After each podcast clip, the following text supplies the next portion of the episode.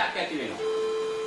මැරෙන අවසාන තප්පරේදී හරි එයා ධර්මයේ අවබෝධාත්මක තැනටපත් වෙනවායි කියන විශ්වාසය. ඒක ශ්‍රද්ධාවේ මහිමයක්. ශ්‍රද්ධාවේ බලයක්. ශ්‍රද්ධාවේ ශක්තියක්. එනිසා බුදුරජාණන් වහන්සේ කෙරෙහිම ශ්‍රද්ධාවෙන් බුදුරජාණන් වහන්සේ දේශනා කළා වූ මාර්ගය තුල ඉන්න ඇස් දෙක පියවෙන්න මොහොතක් පෙර ආතුව ඔබ ධර්මයෙන් ලබන්නා වූ ඵලයන් ලබන්න පුළුවන් කියන විශ්වාසය Taman තුල ඇති කරගන්න. ඒ විශ්වාසයමයි පින්වතුනි අපිව ක්‍රියාත්මක භාවයට කවදා හරි පත් කරලා දෙන්නේ. ඒ නිසා සද්ධාව කියන කාරණේමයි මුල් වෙන්නේ. මෙන්න මේ ආකාරයෙන් සකස් කරගත්තා වූ ශ්‍රද්ධාව අපි ආකාරවලදී ශ්‍රද්ධාවක් බවට වඩව ගන්න ඕනේ. මොකද ශ්‍රද්ධාවේ අංග දෙකක් තියෙනවා. එකක් අමූලිකා ශ්‍රද්ධාව අනිත් එක ආකාරවලදී ශ්‍රද්ධාව. අමූලිකා ශ්‍රද්ධාව නිරේතුරුවම අපිව අභියෝග ඉස්සරහදී අපිව විනාශ කරලා දානවා. අසරණ කරලා දානවා.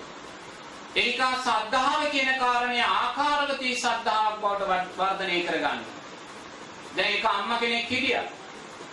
ඒ අම්මා සිල් සමාදන් වෙන කෙනෙක්. සිල් පිළිස නායකයා යා.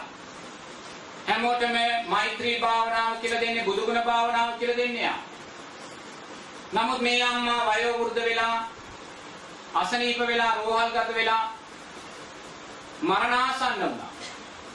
එයා ඇත්තටම හිතුවා එයා ඒ මොහොතේ මැරෙයි කියලා. නමුත් එයා මැරුණේ නැහැ.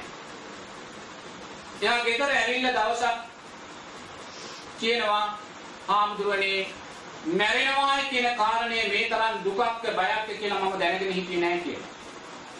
මොකද මැරෙන වෙලාවේ මට මං කළා වූ ධර්මයක් මට සිහිපත් වුණේ නැහැ.